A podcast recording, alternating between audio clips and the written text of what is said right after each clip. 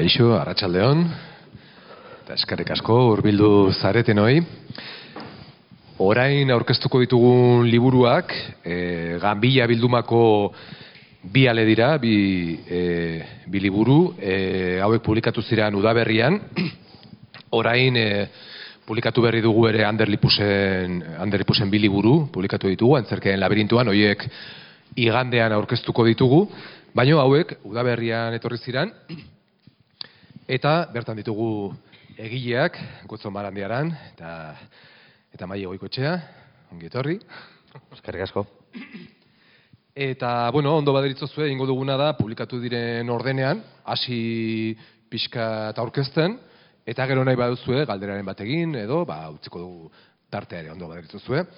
E, lehenengoa, gaur aurkezten dugun e, lehenengoa, esan bezala argitaratze horrenkeran, hildako aurra da, gotzon barandiaranena. E, kasu honetan, bi lan topatuko ditugu barruan, lehena e, besaulkiak, e, goltzara eraman, da, eraman zena duela urte batzuk, eta bigarrena hildako aurra bera tituloa ematen diona liburuari, eta hori antzestu gabekoa, eta berariaz e, libururako idatzia. Beraz, gotzon, bilan, e, oso egora ezberdinetan, e, sortu diren bilan, e, az gaitezen adibidez, besaulkitik, ze azken finan hori abarka taldeak aurkeztu zuen, Ander Lipusen zuzendaritzapean, zenbat urte dira? Pandemia aurretik, kristo aurretik, eh, esango nuke, hogeian izan zen pandemia, ba, emez... Eh, Oantxe bilatu dut, 2008ko ekainen amarrean. Amazazpi hori da. Osa, badira urte batzuk. Ja, kristo aurretik. Bai, bueno, liburu, liburu hori da, liburu kolektibo bat esango nuke nik. E, nik ideia bat proposatu nion inigori, e, Ander Lipusi, eta berak esan zian, bueno, ba, hau abarka taldekoekin egin genezake, abarka taldea da markinako talde bat, antzerki amaterra egiten dute, bueno, edo eurak dira amaterrak esan nahi dut, eta, eta esan zian, bueno, probatu dezagun beraiekin. Eta orduan, hasierako ideiatik amairugarren berziora, ba, asko aldatu zen, aldatu zen lana. Lana berez funtzean da kontrol sozialaren ingurukoa, eta kontrol sozial horren inguruan, ba, guk nola jokatzen dugun, ez? Eta, edo nolako gizartea ari den eraikitzen kontrol sozial e, global horren e, aurrean. Baina hasierako ideiatik ama berziora aldatu zen asko e, batez ere lan prozeduragatik. Ez? E, lehenengo berzio hori eraman genuen ensaio batera, ensaio horretatik e, ama irugarrenera, ensaio horik ensaio aldaketak egin genituen. Ez? ni literaturatik etorri naiz antzerkira idazle bezala eta ez duzu horren beste pentsatzen nola taularatuko den hori, ez? E, hori da ikasgai handi bat, nire ustez. Ez duzu pentsatzen e, zuk e, eraiki duzun personaje hori gero hartuko duela aktore batek eta aktore horrek dituela ezaugarri batzuk zuk pentsatu duzun personaje horretatik apartekoak direnak, ez? Ba, bai altuera, gorpuzkera, eh, ahotsa dena, ez? E, eta moldatu egin behar duzu zure idazkera horretara, hori oso aberazgarria da. Ze eraikitzen ari zara etengabe personaje bat, hasieran zuk eraikita zeneukana, deseraiki egin behar duzu, eta benetako persona horren gorpuzkera, ahots, mugimendu horren arabera moldatzea, moldatu behar duzu. Eta niretzat izugarrizko plazerra izan zen, ez? Ensaioetara joan, ikusiarek nola esaten zuen zuk idatzitakoa, baina ikusten zuen, ostra, hau honek ez du balio, egin behar dut bestera batera, ez? Bere gati bakarrik ere, esaten zuen, honek ez du balio. Nik entzuten nuen neure barnean, baina berak esaten zuen bestera batera, orduan hori oso prozesu aberazgarria, aberazgarria izan da. Normalean, literaturan ez da ohikoa izaten horrelako esperientziak izatea, eta zure ahots propioa idazkeran bilatzen duzu, ba, bueno, zure buruarekin, ikasten duzunarekin, kasu honetan, e, horrela lan egiteak eragin zizun idazkeran bertan, hau da, ez da bakarrik pertsona horri egokitzea, baita ere, e, nola egituratu esaldiak, nola esan behar diren gauzak? Nik uste baiet, e, idazle bezala zu baituzu keria batzuk, ez? zure e, idazteko modu batzuk, e, antzarkirako ez dutenak balio e, bere horretan. Uste dut, e, moldatu egin behar dituzunak, e, erabat. Eta hori oso zaila da idazle batentzat uste dut, ez? Zuk zure ahotsa esaten denez, idazle baten ahots propioa. Uste dut, idazle baten ahots propioa moldatu egin behar dela kontatu behar duzun horren arabera. Eta oso importantea, ze formato generotan kontatzen duzun, ez? Ez da gauza bera kontatzea zerbait poesia bitartez, edo antzarki bitartez, edo ipuin bitartez, saiakera bitartez autoexigentzia, autoexigentea da, eta aldi berean, nire ustez da, ba, konfort egoera batetik atera arazten zaituen e, e, metodo bat. Nire ustez oso aberazgarria, idazle batentzat, ez? Bestela zuk, espadaukazu inguruan e, irakurle talde, irakurleekin izugarrizko hartu emana, edo lagun irakurle saleekin izugarrizko hartu emana, idazten duzu kartola batzuekin eta basoaz. Eta idazten duzu, eta uste duzu hori dela zure ahotsaren bilaketa. Uste dut ez dela hori ahotsaren bilaketa, ez? E, e, goizean egon da hemen arkaitzez, arkaitzkano poesiari buruz, eta esaten zuen, zer eskatzen diogu guk poesiari? E, zer eskatzen diogu guk testu bati, ez? Artzen baldin badugu orokorrean ere, zer eskatzen diogu novela bati? Idazle batek ahots propio eukitzea zer da? Ba, ni iruditzen zait, e, kontatzen duzun horren arabera agian moldatu egin behar duzula zure hautsa. Eta hori dela ariketa literarioa, ez? Ez da raixi izango ere, kao, e, e, jauzi horretan, e, partekatu behar izateakotan, eta negoziatu hainbeste, bai zuzendariarekin, bai aktorekin, testuaren izaera, ba, ez gaude dituta literaturan, e, egoa e, horrea jaisten, ez?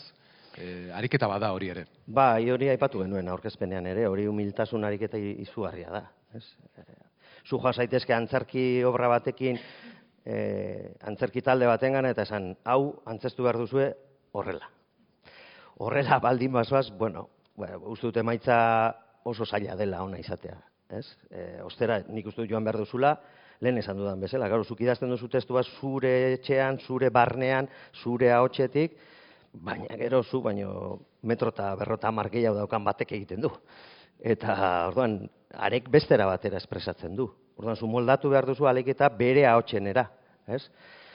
Eta gero, beraieken seguetan ere, ba, ez dakit, guk badaukagu hitzarekin e, e, horrelako harreman estu, estu, estu bat, e, beste genero batzutan aritzen garenak, ez? Bilaketa bat, hitzaren berezko zentzu bat, bilatzen dugu, eta edertasun bat, baina agian horrek taularako ez du balio.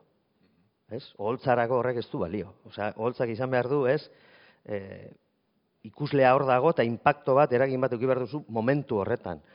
Eta agian moldatu behar duzu hori. Idazkera, izkera, hots hori moldatu behar duzu. Oholtza ipatu duzu, baina ba, esperientzia e, izan duzu adibidez errezitalditan eta bestelakotan, kasu horretan ez da gauza bere izan, ez duzu hainbeste egokitu behar izan.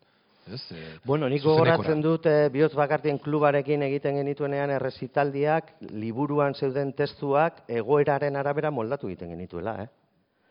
Edo ikusita nor zen e, entzulea, nortzuk ziren, claro, nik ikusten baldin badut, eneko laro ezagutzen dudala, ba igual, gauza batzuk ez ditut irakurtzen liburuan dauden bezala, bestera batera irakurtzen dituzu, edo ikusten duzu, adin bateko, ez, e, jente bat, e, ikusentzule bat, orduan guk moldatu egiten genuen. Eta igual berba batek ez dakit non igarri egiten duzu ez duela balio momentu horretan. Eta erabili behar duzula beste bat. Edo esaldi bat momentu horretan e, testu inguru, esat ezagun historiko, ez? Garai konkretu bateko testu inguruan ez duela balio. Eta zato hostia, ba, zuzenean aldatu egin behar dut. Eta sentsazio hori enseguetan ere niretzat e, etengabeko izan zen be, besaulkiakekin. Eta, eta lehen esan duan bezala, benetan izan zen ikasgai etengabeko bat, ikasi nuen izugarri e, horretan. O, okerrez banago, aurretik izan zenuen beste esperientziaren bat, kukubiltxorekin eta aristides bargasekin, ez da? Hor ja, e, sumatu zenuen bide hori, edo ezan, izan zen nolabaiteko erdibide bat, trampolin bat, ezan zure testua, baina egokitu behar izan zenuen, ez da? Bai, E, niretzat hori izan zen, izan zen, e, izan zen e, ez dut esango epifania bat, ez? Baina, baina Aristidesek egiten zuen Ekuadorreko, bueno, bera berez Argentinarra, baina esiliatuta ditaduragatik, arek egiten zuen, bueno, e, besperan egoera bat jarri, ez? Eta urrengo egunerako esaten zien aktorei, egoera honi buruzko e, testua asmatu egin behar duzue. Momentuan, ez? Eta mugimenduaren arabera. Torintzako zan, a ber, a ber, a ber, zer da, ez hau nola egiten da. Baina gero ensaiotik ensaiora konturatzen zait, ez dut, ostra, e, izugarria da hau. Eta nik egin behar nuen testu hori euskaraz eman, baina ez literalki, ez bada, ekarri eus, gure kosmobiziora, gure iruditeria guztira, ez?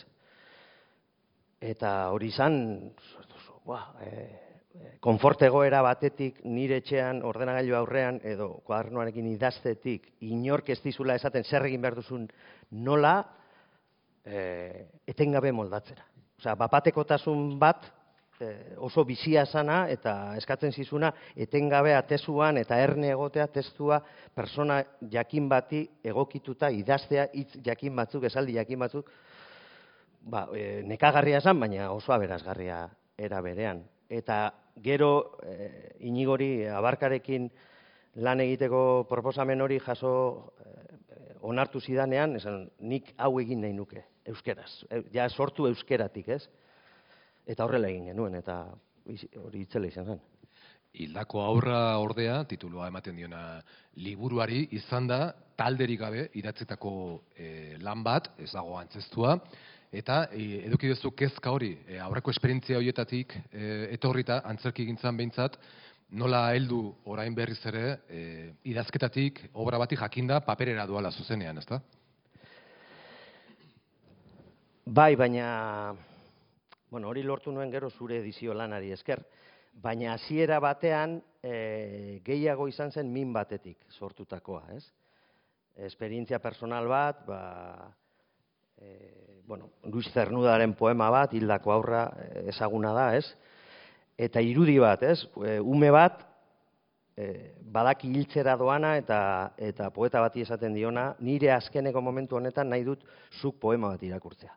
Buelta ematen du eta hile egiten da, ez?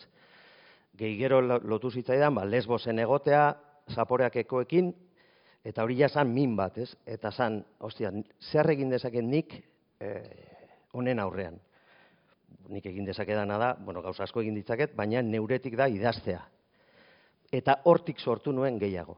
Eta hasierako berzioa hori izan. Eta gero zuk, eh, ez, begiak zabaldu eta esan ziren, baina hau holtzan erakutsi behar baldin bada bestera batera idatzi behar duzu. Eta orduan, hor bai egin nuen, ja ikusten nuen aktore bat, eta ja imaginatzen nuen, pausorik pauso, ze mugimendu behar zuen, zer esan zezaken momentu horretan, E, eta hor bai moldatu nuen, baina sorrera da min, min handi batetik, ez? Ken, e, oraindik badaukadan min, min handi batetik. Eta hor itzutu egin nintzen. Eta, bueno, edizio lanari esker, konturatu nintzen bestera batera egin berzela. Edo modutan, e, asiatik planteatu zenuen, e, dramaturgia bat, eta hori ez da oso ohikoa literaturatik datozen e, idazleen kasuetan, badago espazioaren planteamendu bat, oso teatrala dena, badago txotxongiloek erabiltzeko proposamen bat, beraz, zuk bazenuen e, asiatik ala ere irudi bat, e, bai. estenaratzeari dagokionez buruan. Bai, bai, hori bai. E, kau, nik baneukan hasieran e, aktore jakin batek egin behar zuela hori, eta gainera e, aktoreak hitz egin behar zuen bere kolkoarekin, ez? Bere barruarekin hitz egin behar zuen eta hori nola e, e, oholtzaratu txotxongiloa, zan aukera bat. Ez? Eta hori hasierako berzioan e, badago. Baina hasierako berzio hori poesiatik askoz lotuago dago, e, liburuan agertu denetik baino, ez? Poesiatik esan nahi dut, lehen esan dudanarekin lotua, min batekin eta min horren e, e, erroetaraino, muinetaraino joan, joateko gogo batekin. Eta, bueno, txotxongiloak ez ematen zidan aukera, e, personaje nagusiak bere buruarekin zeukan kontraesan hori nik daukadana agerrarazte, agerrarazteko. Bueno, ondo baderitzo zuen, pasako gara mairen liburura, egia esan hemen beti denborak egan egiten du, eta egongo nintzateke gustora, bakoitzari askoz galdera gehiago egiten, ea tartea dugun amaieran berriz ere bueltatzeko, liburu honetara, eskerrik asko gotzon, eta maili, E, zure kasuan, elkarrezketa liburua da, e, ez dakizuen ontzat, ura jaten, antzerkia, prestigio soziala eta prekarietatea Euskal Herrian, e, hainbat elkarrezketekin osatutako liburua da, e, aipatuko ditut askar batean, asut kolektiboko Manes eta Simon Fuchs, Itzuli konpainiako Marise Urruti, Urruñako antzerki eskolako Isabel Etxeberria, Nafarroako antzerki eskolako Monika Torre, Intujai teatroko Mai Gorostiaga, Eromen produkzioak eko Amankai Gaztainaga eta Goizane Barroso, Arte Drama Plataformako Ander Lipus, Xusturi Teatroko Eneritz Artetxe, Kurkulusietan Kultura Elkarteko Horritan Abeira eta Koldo Celestino, Garaion Sorginguneko Amaia Gabilondo, Baratza Aretoko Garazi López de Armentia, Azala Kreazio Espazioko Idoia Zabaleta eta Daiabu, Pampin Laborategiko Ainara Gurrutxaga. Sekulako lana. Bai, bai. Baina bueno, hori zen lan errexena igual, eh? Eta lan gustoro, o gustora egin nuen, bueno, gustora, gustokoen izan nuena edo jende guzti hori ezagutzea eta gaina behaien espaziotara bidaiatzea, behaien etxetara, behaien sorkuntza espaziotara, eta behaiekin hitz egitea, elkarrizketa sakonak egitea, hori bai, lan handiagoa izan zen zuk dakizun bezala zuera izan zinelako editore, gero testu guztia lantzea. Nola sortu zen hasieran liburuaren ideia eta zer e, hau zan hasieran imaginatu zenuna edo nola eraldatu da prozesuan, ez? E, liburua e, izan dena. Bai, bueno, hasiera batean ez genekien Euskal Antzerkizale elkartearen ekimenez edo hasi ginen, e, bueno, hasi nintzen elkarrizketa hauek egiten, eta hasiera batean ez genekien liburu bihurtuko zenik ere, hasiera batean, bueno, elkarrizketak, eta behar, behar bada, ba, elkarrizketa horiek nun baite, bueno, bai, argitaratu, igual, e, ba, ezakitez genekin oraindik ze formatutan edo eta pixkanaka pixkanaka. Igual nik ere esperoen nuena izan zen e, diskurtsoa mardultzen hasi zela. Hartu zuela e, zera, tonu oso sakon bat et nahiko globaltasun bat ere orokortasun bat e, e, ez bakarrik antzerki mailan baizik eta kultur mailan ze hori izan zen, eta hori izan zen baita ere, alabeharrezko zerbait, antzerkilariekin, antzerkilarien gana jonuenean, alabeharrez kulturrera gilen gana jonuelako, antzerkigileak, ez, direla, ez direlako antzerkigileak bakarrik. E, orduan, claro, ba, pertsona horiek beraiek, bueno, horrek berak erakusten dizu errealitate bat. Eta realitate hori bere horretan e, islatzeak ba, ematen zigun aberastasun bat, orain arte igual e, fokorretatik begiratu ez dena. Bai, kasu batzuetan dira sortzaileak, baino hezkuntza proiektuak dituzte, haietako askoren kasuan, oso ohikoa da hori antzerki gintzan, ez da, baino badira ere espazioak kudeatzen dituztenak, sormen egon, egonaldiak antolatzen dituztenak, etzan erraxa izango e, paisaia oso xamar bat e, eskaintzea, ez? Hainbeste, hainbeste dago e, arakatzeko eta elkarrezketatzeko? Asko geratu zezu kanpoan.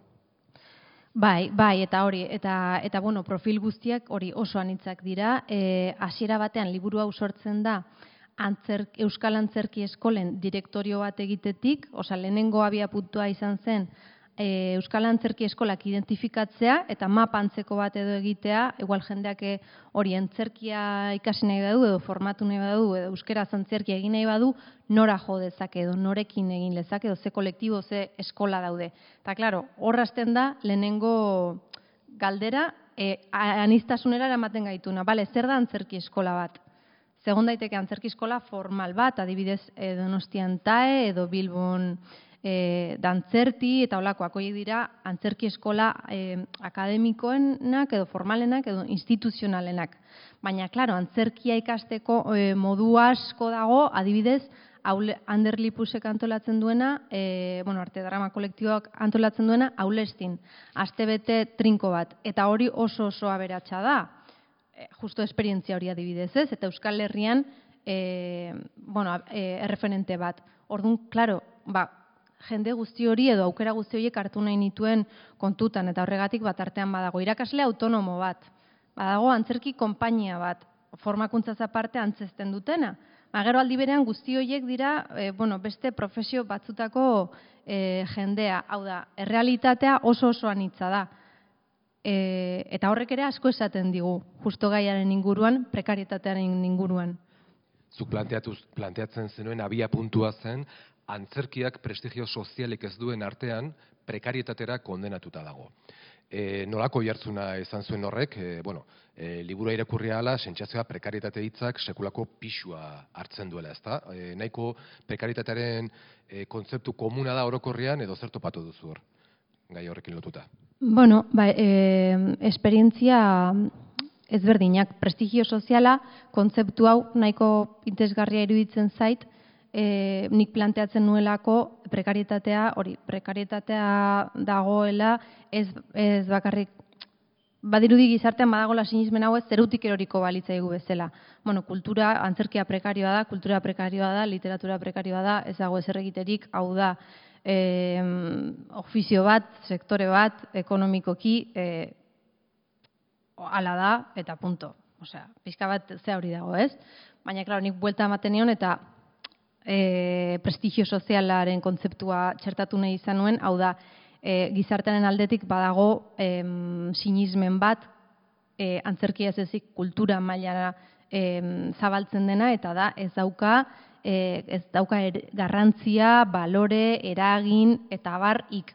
Eta hori egia da, norberak ere oso modu ezberdinean e, bizitzen zuela, alde batetik edo bestetik, baina bueno, denek zeukaten nahiko argi e, prekaritateak eta e, zailtasunek eta ez jakintasunak e, beren lanean daukaten e, eragin erabatekoa. Ta zuk pertsonalki bidaia honetan, e, liburua idazteko bidaia honetan, zer ikasi duzu edo zer karritu zaitu gehien edo zer geratu zaizu bidean zehar topatu duzuna e, Bai. Bueno, ba, egia da, claro, nere, nere rol hau, nere rol honek eta liburu honek eta mezunek badauka e, ba, o sea, beharrezkoa da beharrezkoa delako mezu hau helaraztea eta igual ez delako nahikoa ez delako nahikoa hitz egiten ontaz, ez? Eta sortzaile, bueno, egon naiz elkarrezketatu guztiek bat zeukaten behar hori, desagogatzeko behar hori eta kejatzeko behar hori.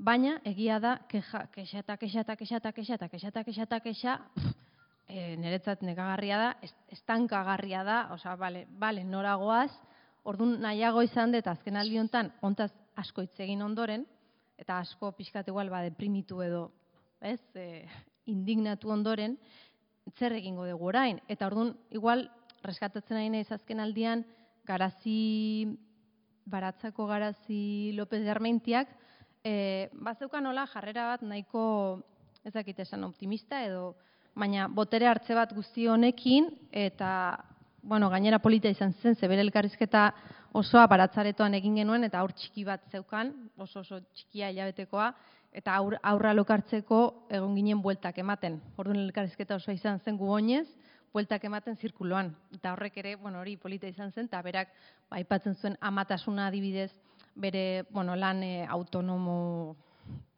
prekario, bueno, guztia honetan, ba, eraman izan duela matasuna beste modu batea, bere aurra eramaten duela e, lanera, beste lan mota batzutan ezin zuela, ez, ezingo zuela horrela egin, eta nola, e, berak esaten duen bezala, lursail gora beratxuetan jakin dutela, edo, edo alabearrez ikasi dutela, bere tresna propioak lantzen, autonomia lantzen, e, instituzioen, e, instituzioen e, instituzioek daukaten ze nola esango dugu gu tazpaso egiten dutela, vamos. Ba, oie, oietaz aparte eta zailtasun guzti hauetaz aparte nola beraiek mikasi duten e, tresna propioa garatu, indartu eta aurrera egiten dagoena dagoela. Bueno, ez da txarra, e, horrekin geratzeko, uste dut e, denbora joan zaigula, e, ziztu bizian, beraz, bueno, e, galderet, galderentzako txanda ez dugu egingo, e, bueno, e, nahi duenak, ba, eaz eta susaren estanetan ditu eskuragarri, eta, bueno, ba, eskerrik asko, mi esker biloi, eta zorionak. Zuei.